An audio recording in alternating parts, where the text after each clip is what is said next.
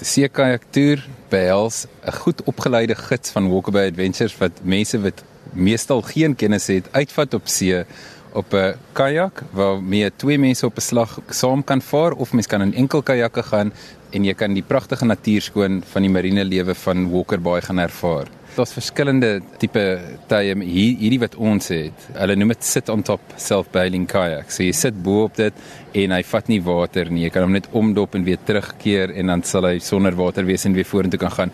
Dit kan jy gebruik op 'n rivier, op 'n meer en op die see hierdie marine lewe wat jy kan sien is van die Cape Fur seals, ons sien uh, pikkewyne, daar's 'n geleentheid soos vandag wat daar dolfyne gesien was. Dit is die common dolphin wat ons hierso kry in Walker Bay.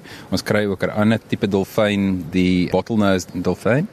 Ons toere gaan ook oor die opvoeding van mense, marine opvoeding, dat hulle kan terugkom en 'n klein bietjie kennis inwin oor wat aangaan in ons oseane. Is dit 'n gewilde sportsoort of toer wat hierso aangebied word? Dit is 'n baie gewilde toer wat ons hier aanbied. Dit is een van die oudste toere in Hermanus ook. Dit is vanaf 1999 wat die toere hier begin het.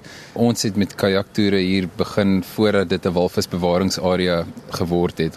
Wat is van die veiligheidsprosedures en waar begin 'n mens eers voor jy op die toer gaan of in die kajak klim? Eerste dinge wat ons doen is ons het vir elkeen ehm um, wat hulle noem 'n PFD, personal flotation device gee wat hulle as hulle in die water val sal help om te dryf om bo water te bly. Dan onder by die water uh, sal my gids uh, basies net vir mense bekendstel aan roei tegniek. Hoe om 'n span vas te hou, hoe om te roei. Party mense werk goed, ander mense sukkel so klein bietjie daarmee dan sal ons ook net vir hulle basiese prosedure sê van hoe om weer op 'n kajak te kom as dit omgeval het en so voort. So ons gaan uit as die kondisies goed is om mense wat nie ervaring het nie op die see uit te vat. Wat is die beste weertoestande vir so 'n uh, avontuur? Daar is twee faktore wat ons elke dag na kyk. Die een is die wind en die tweede een is die duinings op die see. As daar lae wind is, is dit natuurlik ideaal en jy kan selfs baie keer wanneer daar 'n redelike duining in die see is nog steeds veilig aan roei as aan die wind waai nie.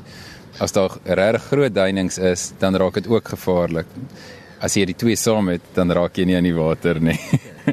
Hoeveel keer 'n dag gaan julle uit en wat is die afstand wat gedek word in so 'n toer? Ons gaan 3 keer 'n dag uit as die weer toelaat. Gewoonlik vind ons dat die oggende die beste weerstoestande bied want die wind is gewoonlik laag en dan begin dit optel soos wat jy nou kan voel die kom 'n briesie deur soos dit later in die dag raak.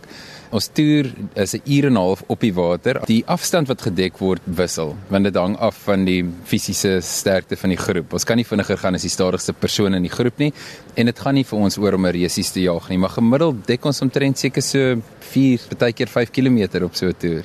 Hoe verskil kajak op die see met kajak op 'n meer?